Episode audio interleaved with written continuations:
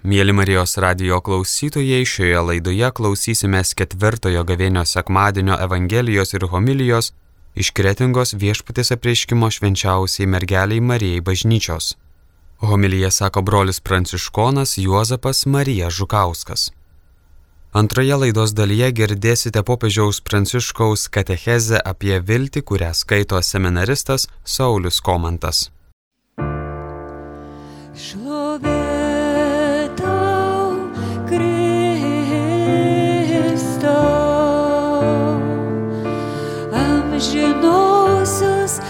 Atidavė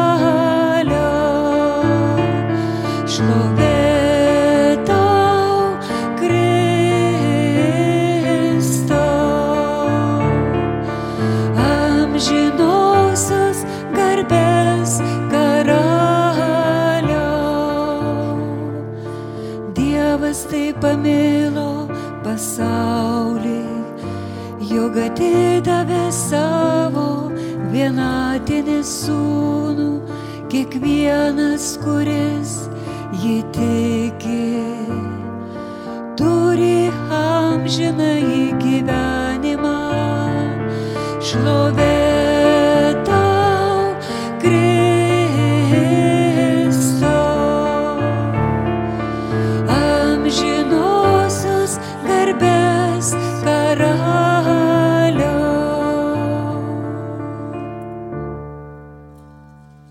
Viešpats su jumis. Pasiklausykite Šventojios Evangelijos pagal Joną. Anu metu Jėzus Nikodemui pasakė, kaip Mozė dykumoje iškėlė žaltį, taip turi būti iškeltas ir žmogaus sunus, kad kiekvienas, kuris jį tiki, turėtų amžinai gyvenimą. Dievas taip pamilo pasaulį, jog atidavė savo viengimį sūnų, kad kiekvienas, kuris jį tiki, nepražūtų, bet turėtų amžinai gyvenimą. Dievas ginesiuntė savo sunaus į pasaulį, kad jis pasaulį pasmerktų, bet kad pasaulis per jį būtų išgelbėtas. Kas įtiki, tas nebus pasmerktas, o kas netiki, jau yra nuteistas už tai, kad netiki viengimio Dievo sūnaus. Teismo nuosprendis yra toksai.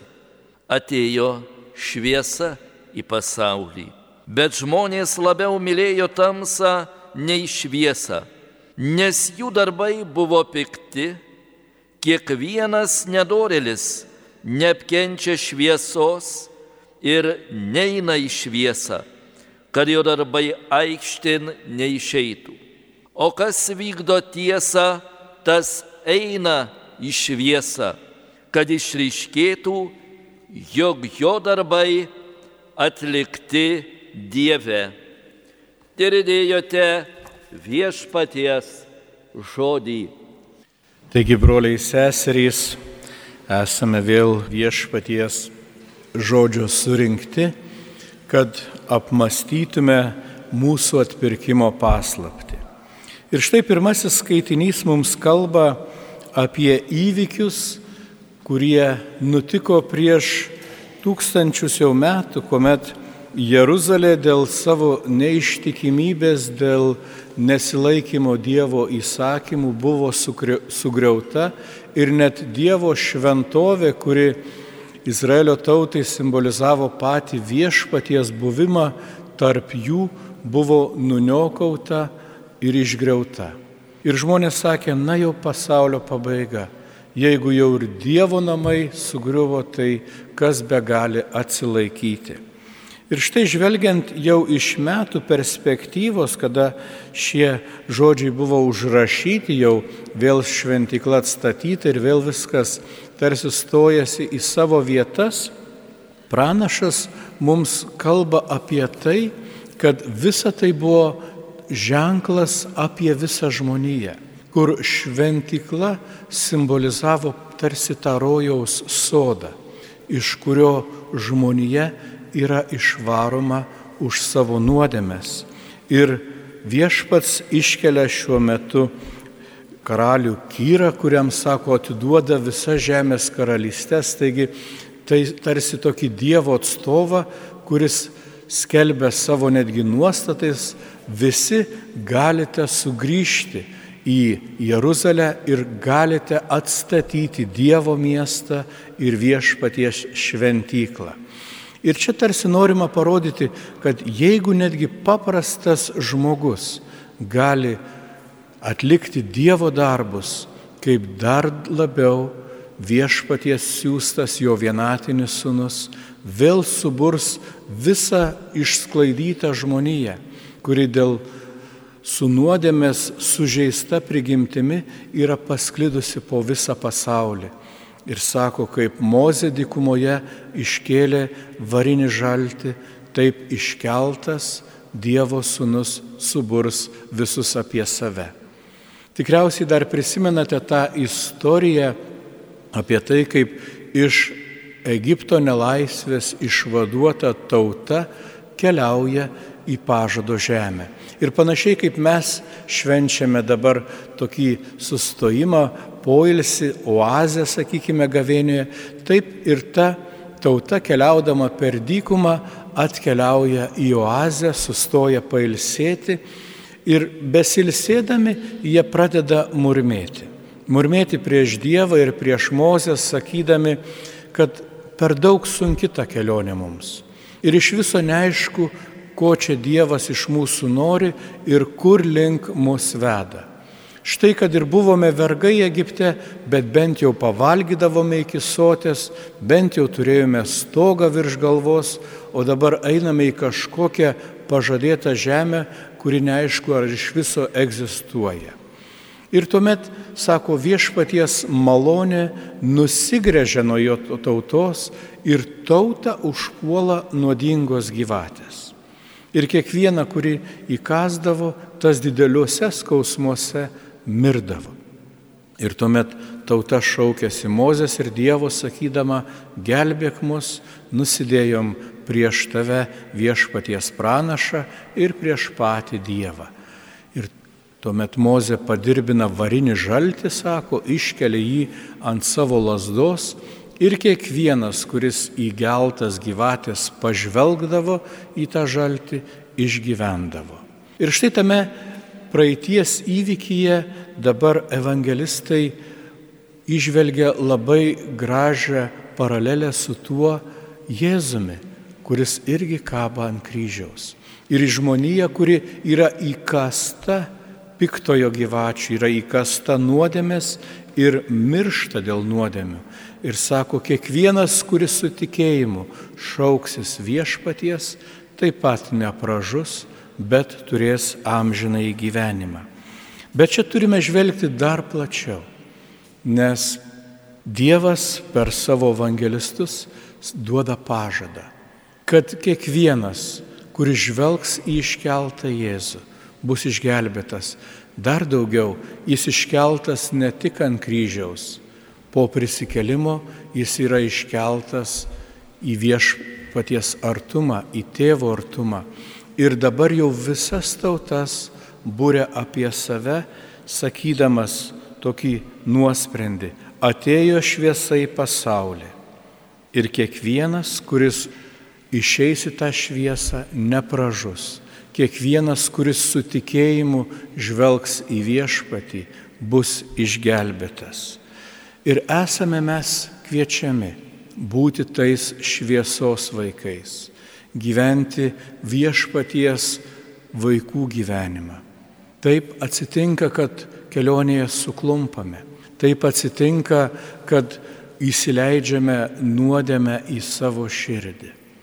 Tačiau jeigu su pasitikėjimu artinsimės prie viešpaties, Dievas ne tik, kad atleistas mūsų nuodėmės, dar daugiau, Jis apdovanos mus visomis reikalingomis malonėmis, kad nesukluptume šio gyvenimo kelyje, kad turėtume jėgų įveikti visus išbandymus ir sunkumus. Dar daugiau, kad mes patys taptume suraminimo ir stiprybės šaltiniu aplinkiniams broliams ir seserim. Ir sako, žmonės, kai kurie žmonės labiau mylėjo tamsą nei šviesą. Ir nedorilis neapkenčia šviesos ir neina į šviesą. Čia yra toks tuo pačiu ir perspėjimas. Ar nesame likę tamsoje kai kuriuose savo širdies kertelėse? Ar leidžiame Dievo šviesai apšviesti visą mūsų gyvenimą? Ar vis tik, tik bandome gražiai atrodyti aplinkiniams, bet širdyje leidžiame išlikti pykčiui, leidžiame išlikti pavydui, leidžiame išlikti kerštui ir netleidimui. Kartais tikrai nėra lengva atleisti, nėra lengva mylėti. Bet viešpat sako, nesi vienas visame tame, leisk mano šviesai apšviesti tavo širdį. Ir tuomet mes kartu galėsime pamilti dievišką meilę. Kalbant apie šviesą ir tamsą, reikia atminti ir dar vieną aspektą. Kartais mes savo teisumu, savo šventumu neleidžiame žmogui išeiti iš tamsos. Kartais mes patys įstumėme žmogų į šešėlius dėl baimės būti nepriimtam ir pasmerktam. Kaip kartais mes savo teisume galime paniekinti žmogų, kuris yra silpnas, kuris suklydo, kuris nori atsitiesti, bet yra visuomenės ir net mūsų bažnyčios atstumiamas. Dažnai juk atsitinka, kad vieniša motina ar buvęs nusidėjėlis nedrįsta ateiti į šią bendruomenę, galvodamas, kad bus pasmerktas. Kaip kartais mes smergdami pačią nuodėmę nustumėme ir patį žmogų, kuris yra pakviestas prisertinti prie viešpaties dar daugiau. Neprimdami kitų silpnybių mes neleidžiame žmogui ateiti prie viešpaties. Net ir šiomis dienomis, kada mes kalbame apie tą patį homoseksualizmą. Žmogus, kuris turi tokių polinkių, jis nedrįs tartintis prie viešpaties, galvodamas, kad bus mūsų pasmerktas ir atstumtas. Todėl turime aiškiai pasakyti, taip mes nepritarėme, kad tokių dalykų būtų mokomi mūsų vaikai. Bet jeigu žmogus turi tokių polinkių, tai nereiškia, kad jis neturi teisės artintis prie viešpaties. Tai nereiškia, kad jis neturi teisės būti viešpaties laiminamas ir priemamas. Nes šiandien šventas raštas sako aiškiai, kiekvienas, kuris tiki, Dievo sūnų bus išgelbėtas.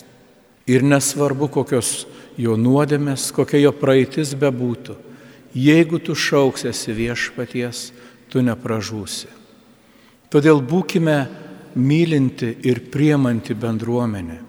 Būkime tie, kur kiekvienas turėtų drąsos išeiti iš tų tamsybių, iš tų šešėlių, nebijodamas būti pasmerktas bet kur būtų priemamas ir bendra malda, bendru užtarimu kovotume už mūsų pačių sielas.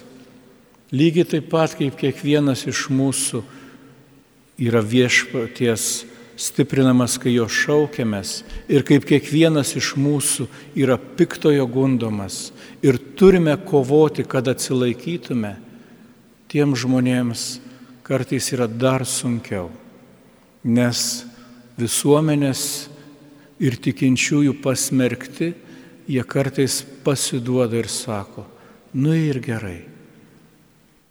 Nu ir nereikia tada man to Dievo, jeigu Dievo žmonės manęs nepriema.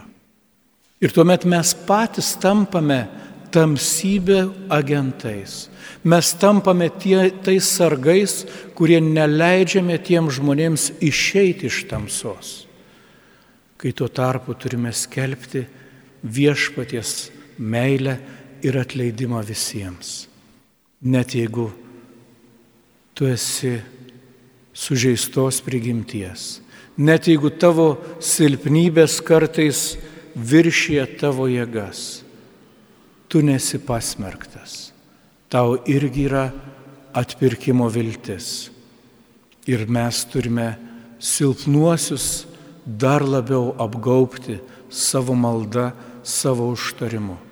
Kad kaip bendruomenė visi kartu iškovotume tą gerą kovą už kiekvieną sielą, už kiekvieną žmogų, kad niekas, net ir labiausiai sužeistas, nebūtų paliktas pakelėje, bet kad visi kartu prisertintume prie viešpaties, kur patirsime gydantį viešpaties atleidimą, kur bus perkeista visų mūsų sužeista prigimtis kur visi galiausiai laimėsime amžinai gyvenimą.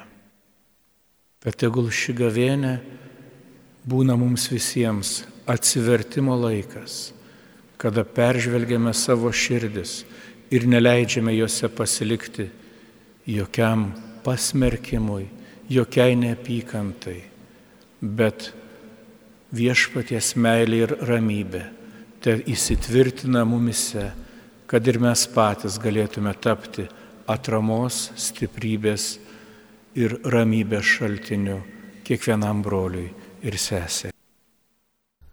Mėly Marijos radio klausytojai, homiliją sakė brolis pranciškonas kunigas Juozapas Marija Žukauskas. Po giesmės klausysimės popiežiaus pranciškaus katechezės apie viltį, kurią skaitys seminaristas Saulis Komantas. thank you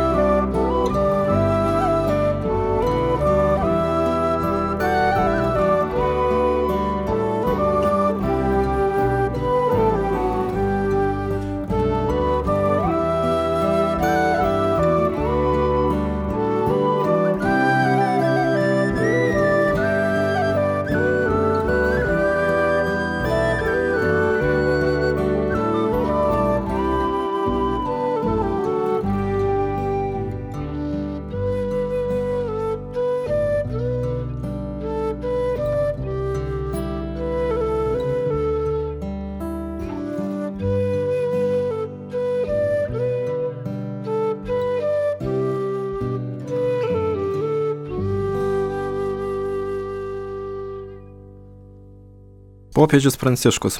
Bendrosios audiencijos katechezė. Krikščioniškoji viltis. Viskas yra malonė. Nuo vaikystės esame mokomi, kad didžiuotis yra negražu. Mano šalyje pagirūnus vadina povais. Tai taiklu, nes gyrimasis tuo, kas esi arba ką turi, yra ne tik puikybė ženklas, bet ir rodo pagarbos stoką, ypač tiems, kuriems sekasi blogiau negu mums. Tačiau šiame laiško romiečiams fragmente apaštalas Paulius mus nustebina. Net du kartus ragina didžiuotis. Taigi kuo galima girtis? Jei jis ragina didžiuotis, vadinasi teisėta kažkuo didžiuotis. Kaip galima tai daryti neįžeidžiant kitų, nieko neišskiriant? Pirmojų atveju esame kviečiami didžiuotis malonės apstumu, apimančiu mus Jėzuje Kristuje per tikėjimą. Paulius nori, kad mes suprastume, jog išmokę į viską žvelgti šventosios dvasios šviesoje, pažinsime, kad viskas yra malonė. Viskas yra dovana. Gerai įsimaščius pasirodo, kad istorijoje, taip pat mūsų gyvenime, veikiame ne tiek mes, bet visų pirma Dievas. Jis yra absoliučiai svarbiausias veikėjas, kuriantis viską kaip malonės dovana, audžiantis savo išganimo planą ir įgyvendinantis jį dėl mūsų per savo sūnų Jėzų. Iš mūsų reikalaujame, kad mes visą tai pripažintume, su dėkingumu priimtume ir tai laikytume gyriaus ir didžiulio džiaugsmo pagrindu. Jeigu tai darome, gyvename ramybėje su Dievu ir patiriame laisvę. Ta ramybė apima visas gyvenimo sritis bei santykius. Esame taikoje su savimi, taikoje su savo šeima, patiriame ramybę bendruomenėje, darbovietėje, su kasdien savo kelyje sutinkamai žmonėmis. Tačiau Paulius ragina didžiuotis net sielvartais, Tai nelengva suprasti. Mums didžiuotis sielvartai sunkiau ir gali atrodyti, kad tai neturi nieko bendra su ką tik prieš tai aprašyta ramybės situacija. Vis dėlto tai yra jos tikriausia, pati teisingiausia prielaida, nes viešpats mums dovanojamos bei laiduojamos ramybės nedara suprasti kaip rūpeščių, nusivylimo, vargo, kančios nebuvimo. Jeigu tai būtų ir kuriam laikui pavyktų išlaikyti ramybę, Tokiems momentams greitai pasibaigus neišvengiamai patektume į nevilties būseną. O iš tikėjimo kylanti ramybė yra dovana. Tai malonė grindžiama patirtimi, kad Dievas mus myli ir visuomet yra arti mūsų. Jis nepalieka mūsų vienų ne vienos gyvenimo akimirkos. O tai, pasaka paštalo, kūrė kantrybę, nes žinome, jog net sunkiausiais ir labiausiai sukrečiančiais momentais viešpaties gailestingumas ir gerumas yra didesni už bet kokius dalykus ir kad niekas neišplėš mūsų iš jo rankų, iš bendrystės su juo. Štai kodėl krikščioniškoji viltis yra tvirta, štai kodėl ji nenuvilia. Ji niekuomet nenuvilia. Viltis neapgauna. Ji nėra grindžiama tuo, ką galime nuveikti arba kuo galime būti, netgi ne tuo, kuo galime tikėti. Jos pagrindas, krikščioniškosios vilties pagrindas, yra ištikimiausias ir tikriausias dalykas, koks tik gali būti. Tai meilė, kurią kiekvienam iš mūsų puoselėja Dievas. Lengva pasakyti, Dievas mus myli. Visi taip sakome. Tačiau truputį susimastykime, ar kiekvienas įstengia pasakyti, esu tikras, kad Dievas mane myli. Nėra labai lengva tai pasakyti, tačiau tai tiesa. Gera pratyba yra kartoti savo, Dievas mane myli. Tame įsišaknyjas mūsų saugumo jausmas, tame įsišaknyjusi mūsų viltis. Viešpats gausiai išlieja į mūsų širdį šventąją dvasę, kuri yra Dievo meilė, kaip kurėja, kaip laida, kad galėtų puoselėti mūsų tikėjimą ir išlaikyti gyvą viltį. Ir tą tikrumą Dievas mane myli. O tuo sunkiu momentu Dievas mane myli. O mane padariusi blogų, piktų dalykų Dievas mane myli. To tikrumo niekas iš mūsų neatims. Turime tai kartuoti kaip maldą. Dievas mane myli. Esu tikras, jog Dievas mane myli. Esu tikra, kad Dievas mane myli. Dabar suprantame, kodėl apaštalas Paulius mus ragina, kad visada visų tuo didžiuotumės. Didžiuojuosi Dievo meilę, nes Jis mane myli. Viltis, kurią esame apdovanoti, nenutolina mūsų nuo kitų, tuo labiau neveda mūsų į tai, kad blogai apie juos kalbėtume ar juos nušalintume. Veikiau tai yra ypatinga dovana o mes su nuolankumu ir paprastumu visiems turime tapti jos kanalais. Tuomet mūsų didžiausias pasididžiavimas bus turėti kaip tėvą tokį Dievą, kuris nedaro privilegijų, nei vieno neišskiria, bet atveria savo namus visiems žmonėms, pradėdamas nuo paskutiniųjų ir tolimiausių, kad kaip jo vaikai jie mokytųsi guosti ir palaikyti vieni kitus. Ir nepamirškite, viltis nenuvilia. Vertė bažnyčio žinios. Mėly Marijos radio klausytojai, ką tik klausėmės popiežiaus Pranciškaus katechezės apie viltį, kurią skaitė seminaristas Saulis Komantas. Pirmoje laidos dalyje klausėmės ketvirtojo gavėnios sekmadienio Evangelijos ir homilijos iš kretingos viešpatės apreiškimo švenčiausiai mergeliai Marijai bažnyčios. Homiliją sakė brolis pranciškonas kunigas Juozapas Marija Žukauskas. Likite su Marijos radiju.